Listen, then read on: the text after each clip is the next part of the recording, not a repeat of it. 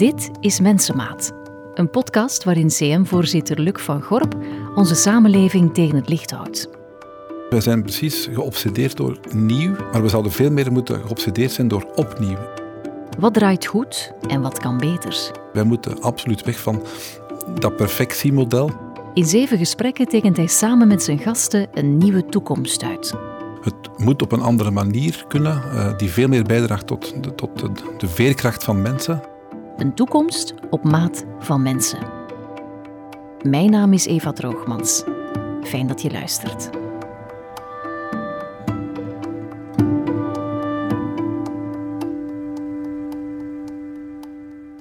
Dag Luc. Goeiedag. Hey, uh, in ons uh, allereerste gesprek heb je mij verteld over jouw studies. Het waren er wel heel wat, hè? Wat heb je zo al gestudeerd? Ik heb eerst verpleegkunde gestudeerd, daarna filosofie en daarna theologie. En uh, volgens jouw LinkedIn-pagina heb je blijkbaar ook in Oxford school gelopen. Ik heb inderdaad de kans gehad op mijn uitwisseling te gaan in, op de Oxford University. En dat was verbonden aan een uitwisseling met de KU Leuven. En daar heb ik inderdaad uh, ook een stuk van mijn theologie en zelfs een stuk van mijn aggregaat, uh, aggregatieopleiding gedaan, dat u de mogelijkheid gaf ook om les te geven dan. En, en hoe herinner jij je die periode in Oxford? Op zijn minst indrukwekkend dat ik daar mocht uh, rondlopen. Dat, dat, is een zeer surrealistische omgeving waar dat je u bewust bent dat je op een bijzondere plek mag studeren. Um, ik heb daar heel erg van genoten. Ik heb daar ook heel veel contacten uh, mogen leggen mm -hmm. uh, met, met studenten, met de omgeving. En, en het, is, het is voor mij toch ook wel een stuk een trigger geweest om vast te stellen dat niet elk onderwijssysteem op dezelfde manier georganiseerd is. En, en bijvoorbeeld het werken met tutoren, hè, dus professoren die veel meer begeleiden in een kleinere groep, was voor mij toch wel een, een, alleen een opener van dit moet ik meepakken naar, naar mijn eigen land. Hè, om dat toch anders allee, kan, de, het onderwijs kan georganiseerd worden. En met grote waardering voor ja, de Engelse context. En, en ik denk dat je daar moet geleefd en gewoond en gewerkt hebben, denk ik, om dat volledig te begrijpen. Dus en, en op zijn minst was het een verschillende cultuur met, met onze cultuur. En anderzijds, toen ik terugkeerde naar, naar België, hè, na dat verblijf, dan toch ook heel blij dat je terug was in je eigen land. Als je nu terugkijkt op jouw opleiding verpleegkunde, was je dan voldoende voorbereid op de job zelf?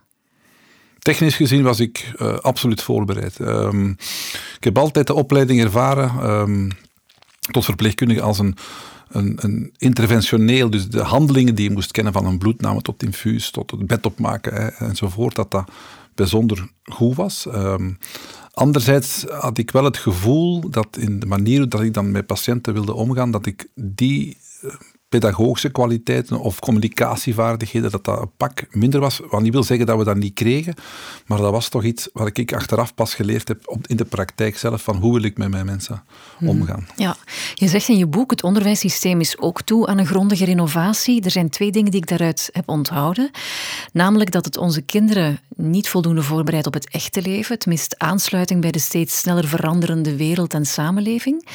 En twee, het focust ook veel te hard op cijfers. We vergeten te kijken naar de leerling in zijn totaliteit. Is, het, is dat samengevat wat jij wil aankaarten, wat van, voor jou anders mag?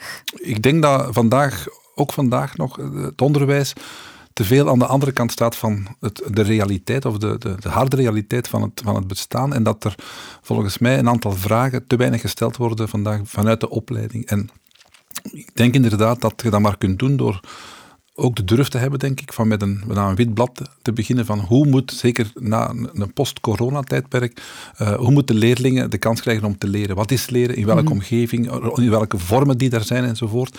En dat er daardoor veel meer connectie ontstaat tussen leerling, leerkracht, docent, lector en uh, de samenleving. Ja, klinkt als een hele uitdaging. Ook een beetje te veel, denk ik dan, voor ons tweetjes alleen.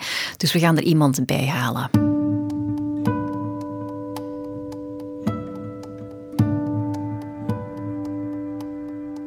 Lieve Boeven, welkom. Dank u wel. Topman van het katholiek onderwijs en in een ver verleden, heb ik begrepen, Luc, ook nog een studiegenoot van jou, hè? We hebben inderdaad samen theologie mogen studeren. Zo is dat. Ja, hadden jullie contact met elkaar in die tijd? Um, wij hadden contact, maar het is wel zo. Hij zat een paar jaar later, omdat hij eerst verpleegkunde gestudeerd had. En zoals altijd heb je meer zicht op wie voor je zit dan wie erna komt. En, dus ik herinner mij hem wel, maar ik denk dat uh, omgekeerd ik zichtbaarder voor hem aanwezig mhm, was. ja. ja. Uh, lieve, weet jij uit het hoofd hoeveel katholieke scholen of onderwijscentra in Vlaanderen jij vertegenwoordigt? Uh, ja, ik denk ongeveer een 3000, maar uh, ik ken dat niet. Uh, nee. Nee, ik weet dat we ongeveer 1 miljoen Vlamingen in het katholiek onderwijs of uit werk stellen dan wel als leerling, student, cursist hebben. Dat is ja. ongelooflijk veel. Dat is een, groot, een ontzettend groot intellectueel kapitaal. Kan jij kort samenvatten uh, wat de essentie is van jullie onderwijsproject binnen het katholiek onderwijs? Wat is jullie focus? Ja, dat is natuurlijk uh, een, zeer ambitieus, een zeer ambitieuze vraag, omdat uh, er heel veel verscheidenheid in dat katholiek onderwijs zelf zit. Maar als je de familieverwantschap tussen die verschillende katholieke onderwijsinstellingen samenvat, dan gaat het vooral over die, ja, dat christelijk mens- en wereldbeeld. Um, dat uh, heel sterk aanleunt bij wat we straks als dat circulaire zullen omschrijven, dat zich doorzet in, uh, in, in, verschillende pedagogische projecten in scholen. En Jezuïtenschool doet op een andere manier als een Salesiaanse school, een Don Bosco school, Broeders van Liefde, Diocesane scholen. En vandaag proberen we dat uh, te vertalen vanuit dat project van die katholieke dialoogschool, hè, waarbij we niet alleen aanvaarden, maar ook erkennen dat de pluraliteit bij ons op school binnen zit. Dat je christenen hebt, uh, maar vele mensen van andere overtuigingen. Maar dat het door in relatie te brengen van die mensen, van iedereen, en die zoektocht naar identiteit, naar zingeving van iedereen te gaan ondersteunen. En, en in die dialoog die christelijke stem binnen te brengen, dat we daardoor een bijdrage kunnen leveren mm -hmm. aan uh, de samenleving van de toekomst. Jullie proberen de leerlingen zo goed mogelijk voor te bereiden op het echte leven, wat komt na de studies.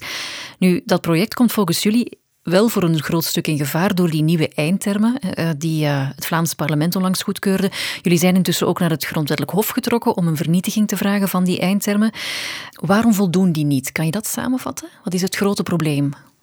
Wel, het is zo dat eindtermen behoren minimumdoelen te zijn. Een soort minimumafspraak tussen de overheid en onderwijsverstrekkers, de vrije onderwijsverstrekkers. Het katholiek onderwijs is uh, zo'n vrije onderwijsverstrekker, maar de Steinerscholen zijn dat ook.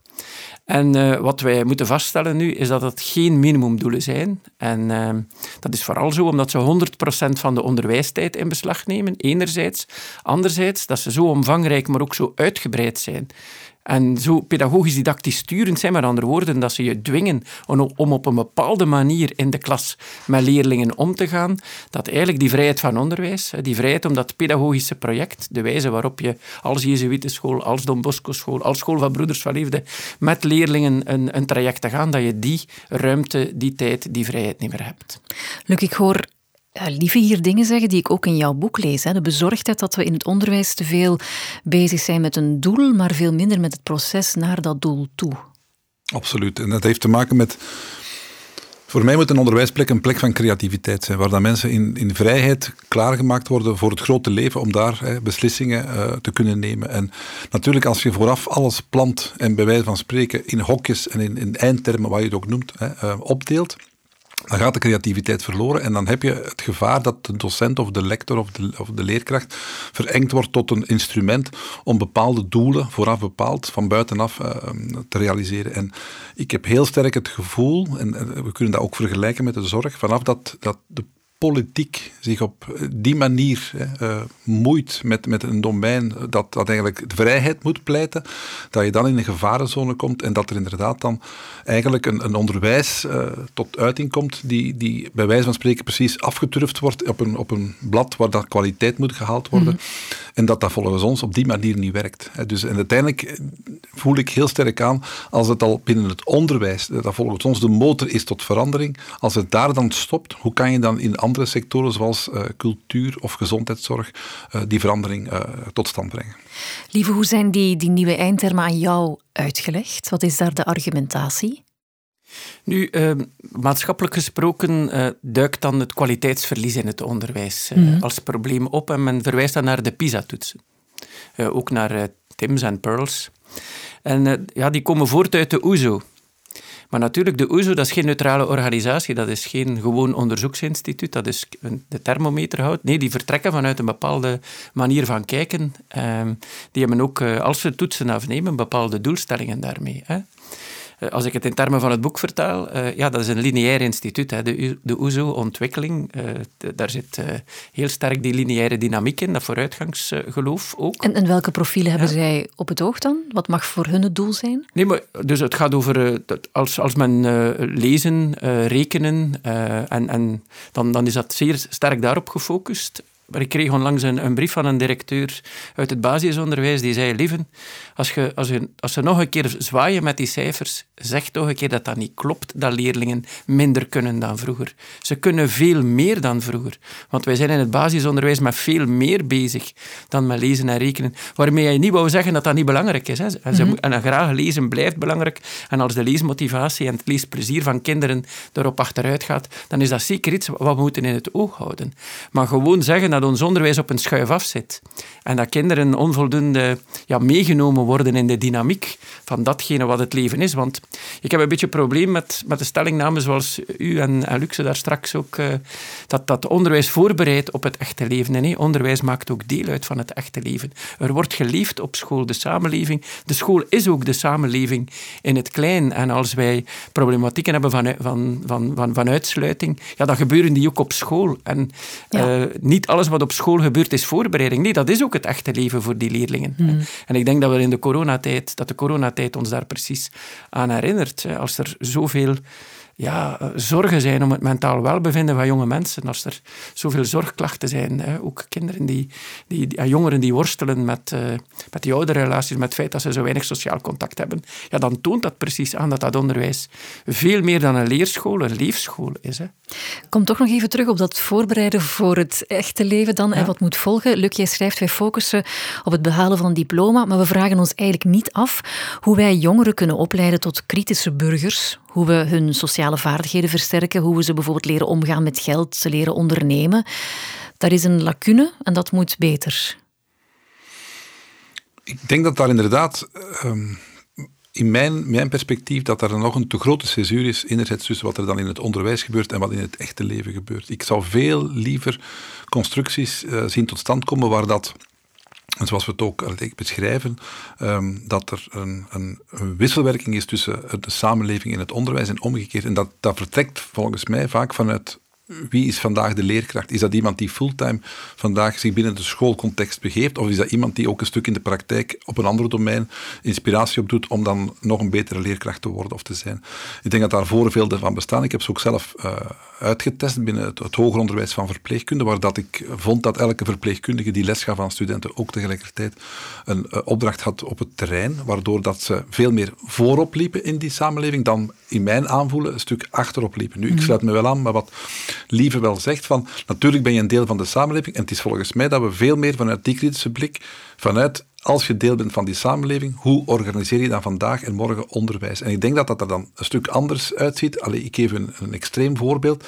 Een schoolvakantie van twee maanden in de, tijdens de zomer, dat is volgens mij niet helemaal geallieerd op wat er in de samenleving is, omdat er volgens mij geen enkele Belgische burger zich twee maanden verlof kan permitteren om dan samen met zijn kinderen dingen te doen. Dus dat zijn natuurlijk zaken Als je daaraan gaat morrelen, denk ik dat je veel tegenstand gaat krijgen, denk ik. Dat zijn inderdaad heilige huizen, maar vanuit het perspectief van de leerling is eigenlijk die bestaande, noem het dan acht weken, ook een soort van quarantaine, waar ik hetzelfde het aanvoelen heb bij mijn eigen kinderen, dat ze dat wel een lange periode vinden om precies daarin dan niet te leren. En wij weten trouwens, als kinderen dan terugkeren in september, dat er dan ook een soort leerachterstand was, omdat ze een aantal zaken gewoon vergeten zijn van voor het, het jaar dat ze dan uh, lessen gevolgd hebben. Dus ik denk dat we moeten het is een uitdaging, want als we inderdaad tussen een, een, verhaal vertellen tussen lineair en circulair.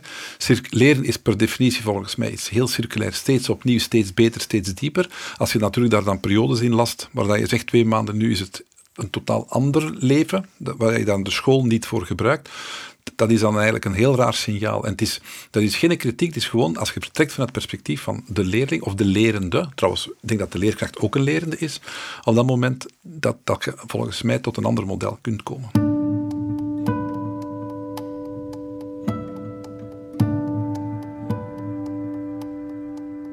Lieve, misschien even nog iets over die prestatiedruk. Ik geef zelf les aan een hogeschool um, en ik merk dat die prestatiedruk bij mijn studenten ongelooflijk groot is.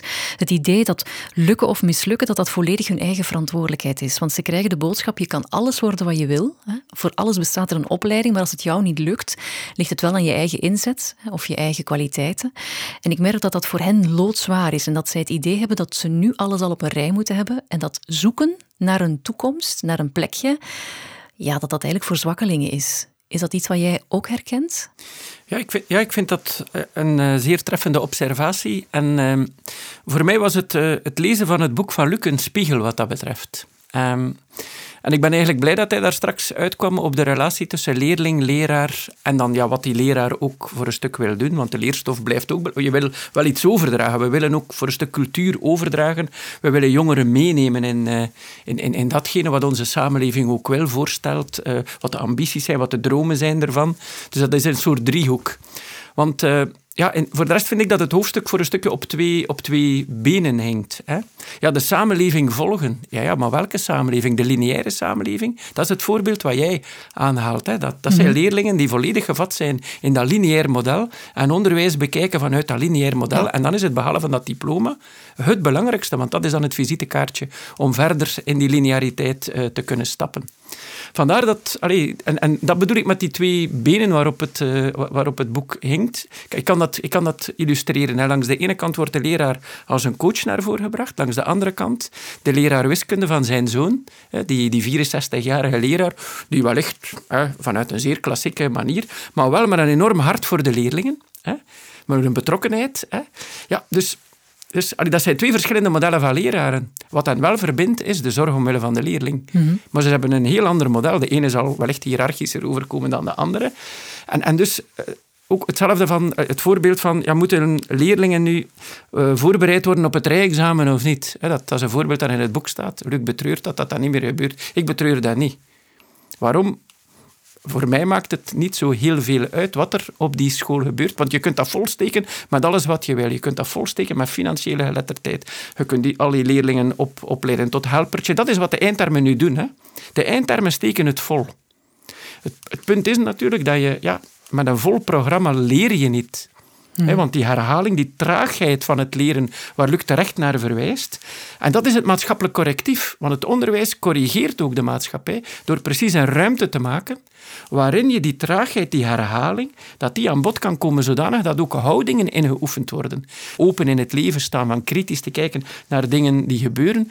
En vooral ook die verbinding, die connectie. Hè. En ik denk, als er één ding onder druk staat vandaag, en als wij en, en, ik denk eigenlijk na het lezen van het boek dat we nog wat meer op de barricaden daarvoor moeten staan. Dus misschien nog wat meer naar het grondwettelijk hof gaan als het ons uitkomt. Hè. Dat is precies die boodschap. Wij, wij, wij geven niet zomaar onderwijs.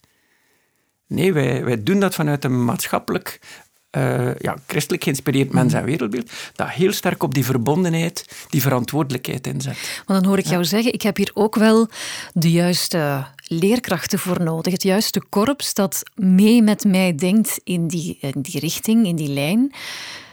Hoe, hoe gaan wij in de toekomst onze mensen selecteren?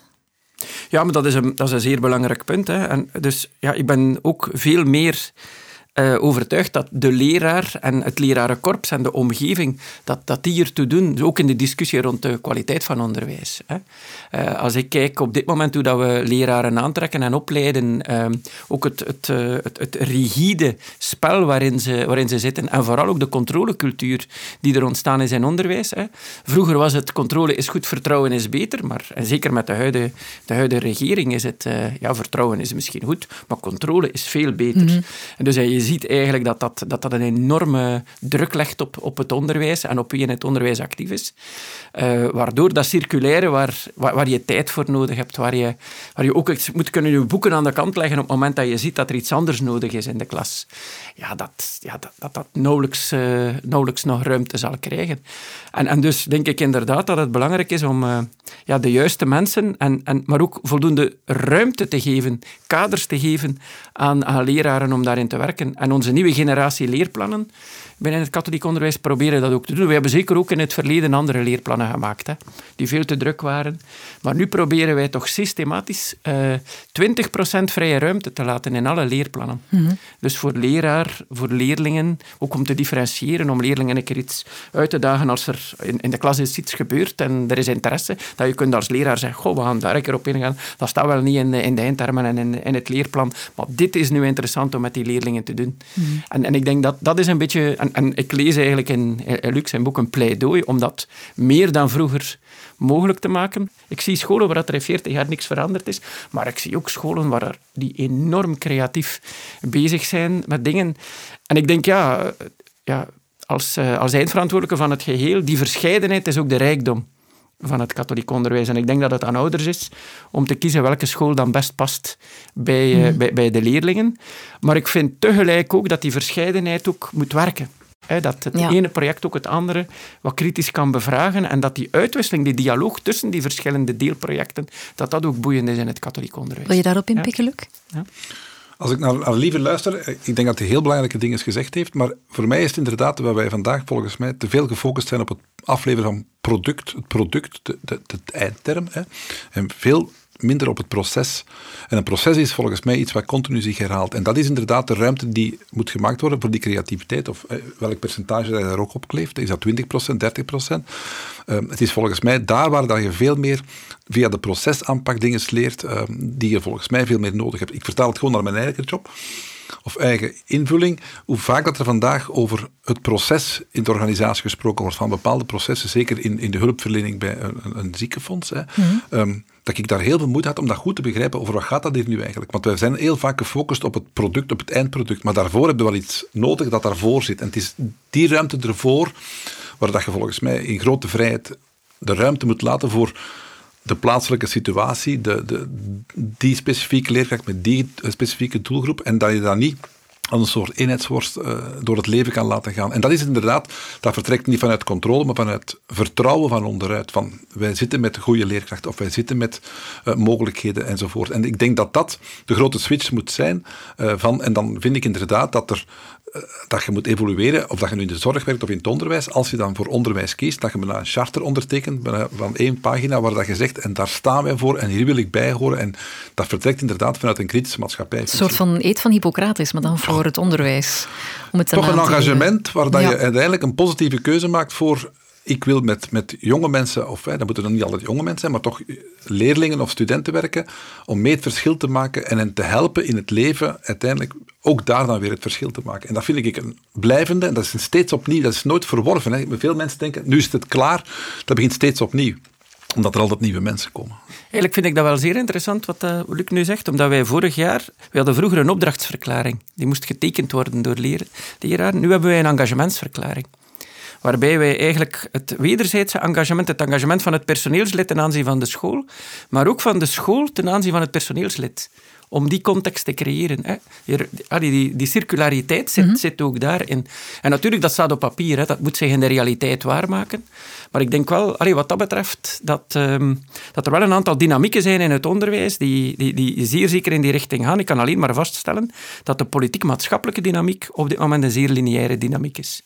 Dus, en, en dat de tweedeling tussen lineariteit en circulariteit eigenlijk in het onderwijs op dit moment heel, heel, heel zwaar weegt op iedereen die, die in onderwijs bezig is. Ja. Het onderwijs heeft afgelopen jaar natuurlijk aan de lijve ook de impact van corona ondervonden. Veel lessen moesten online doorgaan met alle voor- en nadelen van dien. Kan dit een momentum zijn, in positieve of in negatieve zin, lieve, dat corona het type onderwijs ook gaat veranderen?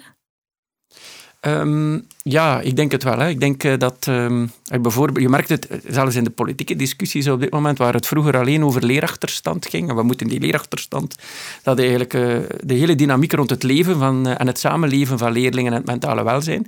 Natuurlijk, je kunt dat dan in luxe termen vanuit de kleine gezondheid doen of vanuit de grote gezondheid. Ik vrees dat het op dit moment vooral vanuit de kleine gezondheid is ook. Um, maar de, die hele discussie ja, zal zich zeker nog wel doorzetten. En ik denk het feit dat wij eh, naar het grondwettelijk hof nu, nu gaan, um, ja, dat is ook één puzzelstuk in, in een hele puzzel waarin het onderwijs zich aan het heruitvinden is. Um, Uh, hoe ver dit gaat, uh, of ik even optimistisch ben, of hoopvol, want ik denk dat hoopvol beter is dan optimistisch, hè, om het met onze termen te zeggen. Um, ja, misschien dat ik ja, niet zo... niet volledig het optimisme deel die, die ik, uh, dat ik soms in het boek, in het boek lees. Um, ik vraag mij soms ook wel af ik weet dat Luc een enorm vertrouwen uitspreekt, ook in de jongere generatie, als het over klimaat gaat. Uh, uh, duidelijk, de meeste mensen deugen uh, ook, mm dat als boodschap aanhangt. Maar voor mij gaat het ook een beetje, wat, zijn de randvoorwaarden op dat, dat dat circulaire verhaal zich ook kan doorzetten? En ik vraag me soms af of het lineaire verhaal al niet te ver doorgeslagen is op bepaalde punten. En dat is toch ook een keer iets waar ik hem, als dat mag, hè, mee, wil, mee wil confronteren. Waar, waar die, het, is, het is een enorm hoopvolle boodschap een vertrouwen, hè, waar je ook op een bepaald moment zegt, aan de coronapandemie zal. Hè. Het, is een, het is direct indicatief hè, eh, ja, waar, je, ja, waar, waar je dat vertrouwen eigenlijk vandaan haalt. Dat zou ik wel eens Vind je het naïef? Hoor ik jou zeggen dat je het naïef vindt? Nee, nee, nee. Het is een vraag die ik stel. Ja. Luc, ben je te optimistisch? Ik, ik, versta de zorg eh, die Lieve uitspreekt van ben je niet te optimistisch en zelfs naïef. Nee, ik denk dat niet. En waarom niet? Omdat ik zelf ook maar één mens ben en mezelf herken als mens, als, als zinzoeker, als verbinder, als, als circulair, hè, zorgend wezen voor anderen. En dat als inderdaad die lineariteit, of dus de, het doordenken van de beheersbaarheid van en het altijd maar meer en meer en meer, dat dat de mens zelf gaat tegenkomen en eigenlijk dat die daar in een soort van revolutie gaat op ageren. En dat gebeurt vandaag ook op, op allerlei plekken vandaag op deze planeet. Om te zeggen van niet niet met mij en niet verder dan dit. En daarom ben ik hoopvol, omdat ik mezelf als mens genoeg erken in mijn, in mijn eigen zijn en met mijn beperktheden, maar ook met mijn kracht van hier gaat, hier gaat men een grens over in, in, mijn, in mijn zijn eigenlijk, maar dat is natuurlijk wel wat filosofisch. Ehm, en als je dat met meerdere mensen doet, vandaar dat ik ook heel veel aandacht geef aan solidariteit, je gaat dat samen moeten doen. Kijk maar naar corona, van hier en niet verder kan ik alleen maar hoopvol zijn, omdat ik denk dat een systeem nooit kan overleven zonder mensen daarachter. En ik denk dat de mens altijd als individu, maar ook als collectiviteit, sterker is dan het sterkste systeem dat bestaat en dat gaat verdwijnen. Wat ik ook aangeef. Ik denk, als, als het onderwijs zich van binnenuit met mensen niet kan hervormen, zal dan, dat manier van onderwijs volgens mij verdwijnen. Maar dat geldt evengoed voor het instituut Kerk, dat geldt evengoed voor het politieke instituut enzovoort. Dus, mhm. Maar dat bestaat allemaal uit mensen. En ik denk dat mensen sterk zijn. Ik zie jou knikken, lieve. Ja, maar ik, ik, ik deel die, die kern van de hoop, hè, want dat, dat zit zeer sterk in dat circulair mensbeeld. En ik denk als er ja, onze opleiding verraadt ook dat wij wat dat betreft vanuit dezelfde, vanuit dezelfde kaders denken. Um, mijn vraag gaat vooral over, wat zijn de randvoorwaarden opdat eigenlijk mensen ja, in, uit die bron kunnen tappen en dat dat ook een maatschappelijke beweging kan worden die inderdaad dan het lineaire begrenst. Hè? Want het is natuurlijk een spiegel, hè? lineair, circulair. De vraag kan ook zijn, hoeveel lineariteit heb je nodig dat het circulaire niet fatalistisch wordt? Hè? Ik bedoel, het gaat over verhoudingen en het gaat voornamelijk over, ja, wat is uw algemeen perspectief van waaruit je naar dingen kijkt? En hoe kunnen we ervoor zorgen dat dat circulaire perspectief, het perspectief waar leven en dood weer veel meer in harmonie gedacht worden, waar die imperfectie mogelijk is, waar, die, waar vanuit verbinding uitgegaan wordt, waar we natuurlijk niet tegen ambitie zijn, maar dat het nooit ambitie tegen alles zal zijn. Eh, hoe kunnen we een, een context creëren waarin dat soort stemmen in, in, een, in een samenleving die op dit moment gepolariseerd wordt vanuit het lineaire, hè, dat, dat, dat, dat, dat die middenruimte opnieuw ontstaat. Um, dus ik hoor jou zeggen, we kunnen met recht en reden hoopvol zijn, maar we hebben ook externe partners nodig die heel die carousel mee in beweging brengen en houden. Maar wie moet of dat... ze extern zijn, weet ik niet. Maar wie, wie, wie, wie moet dat dan zijn? Wie, wie moet dat mee realiseren? We zijn allemaal een voorbeeld, denk ik, van um, welk soort leiderschap wil je dan opnemen? Vanuit welk referentiekader doe je dat? Lieve doet dat vanuit het katholiek onderwijs, ik doe dat vanuit een gezondheidsfonds, uh, anderen doen dat vanuit een, een ander perspectief of vanuit een organisatie waar we voor staan. En ik geloof wel sterk dat je op een bepaald moment de verandering van binnenuit moet realiseren. Je kunt daar niet aan buiten staan, want je bent zelf onderdeel van elk systeem uiteindelijk. Hè. En dan ben ik wel, allez, ehm, juist het feit dat we vandaag de dingen benoemen zoals we ze willen benoemen, ehm, ben ik mij heel erg bewust van de kwetsbaarheid of die je daar teweeg brengt bij uzelf als persoon. Want mag ik mij als voorzitter van CM dat wel permitteren om die zaken te zeggen? Ik denk niet mag het, ik moet zeggen, omdat ik de mens als soort, als, als individu, zo graag zie. Omdat ik vind dat er vandaag onrecht wordt aangedaan. Als ik opnieuw getuige ben dat, ik heb het al vaak gezegd in, in publieke debatten, 460.000 mensen langdurig thuis ziek zitten, dan ben ik en voel ik mij daar verantwoordelijk voor, alleen nog maar voor het feit dat ik die mensen, de helft van die mensen worden door CM elke maand van een vergoeding voorzien. Of een uitkering. Ik vind dit niet oké, want dit zegt iets over dat de mens gedeconnecteerd geraakt is door het systeem en dan eigenlijk wordt opzij gezet als invalide persoon. En dan denk ik, dat is mijn opdracht en mijn verantwoordelijkheid, dit laat je niet gebeuren, hier moet je iets aan veranderen. En dat veranderen niet door al die mensen dan recht toe recht aan terug naar de werkvloer te brengen. Dat kan je maar veranderen door het systeem, hoe dat wij vandaag moeten werken en leven, in de combinatie met alles en nog wat, mogelijk maken voor mensen. En ik denk dat je heel erg moet uh, oppassen uh, als mensen opstaan en een revolte teweeg brengen in groep daar zijn wij als samenleving ook niet op voorbereid. Hè? Dus dan mhm. denk ik, let goed op wat dat je aan mensen mocht vragen. Er zijn grenzen in, in uw emotie. Die, en het gaat over waarden die dan geschonden zijn. Waarden van respect. Je hebt geen respect voor mij. Dat het ergste in de mens bovenhaalt. Het negatieve, maar ook het positieve. En daarom denk ik in, dat, dat het politieke systeem, maar elk systeem, of het, het onderwijssysteem, heel, heel goed moet nadenken. Ehm, hoe gaan wij, als wij mensen graag zien, samen met die mensen een weg, een traject lopen? En uiteindelijk weten we wel, Vlaanderen is Vlaanderen, België is België, Europa is Europa. Het gaat eigenlijk over een mondiaal gebeuren, waar dat wij zelfs die blik niet kunnen van ons afwenden. Wat gebeurt er in Afrika, wat gebeurt er in Amerika? Het is allemaal menselijk. Mm.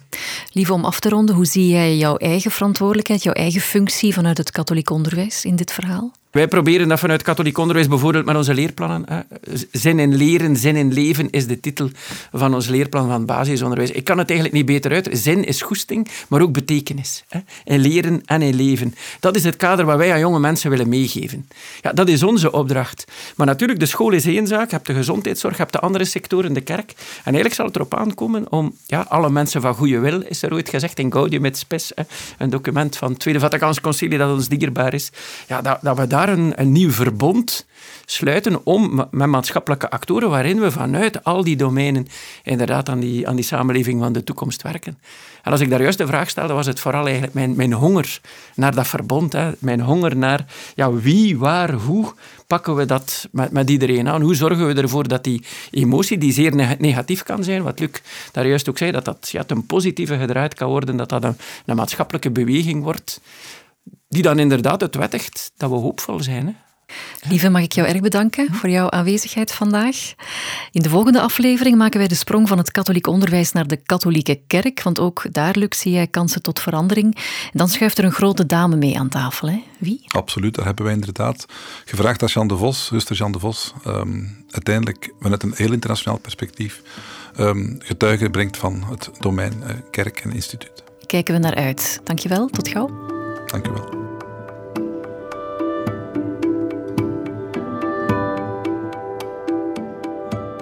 Deze podcast kwam tot stand in samenwerking met CM en uitgeverij Pelkmans. Lux schreef zijn gedachten ook neer in een boek. Mensenmaat, een pleidooi voor imperfectie. Meer info vind je op cm.be-mensenmaat en pelkmans.be.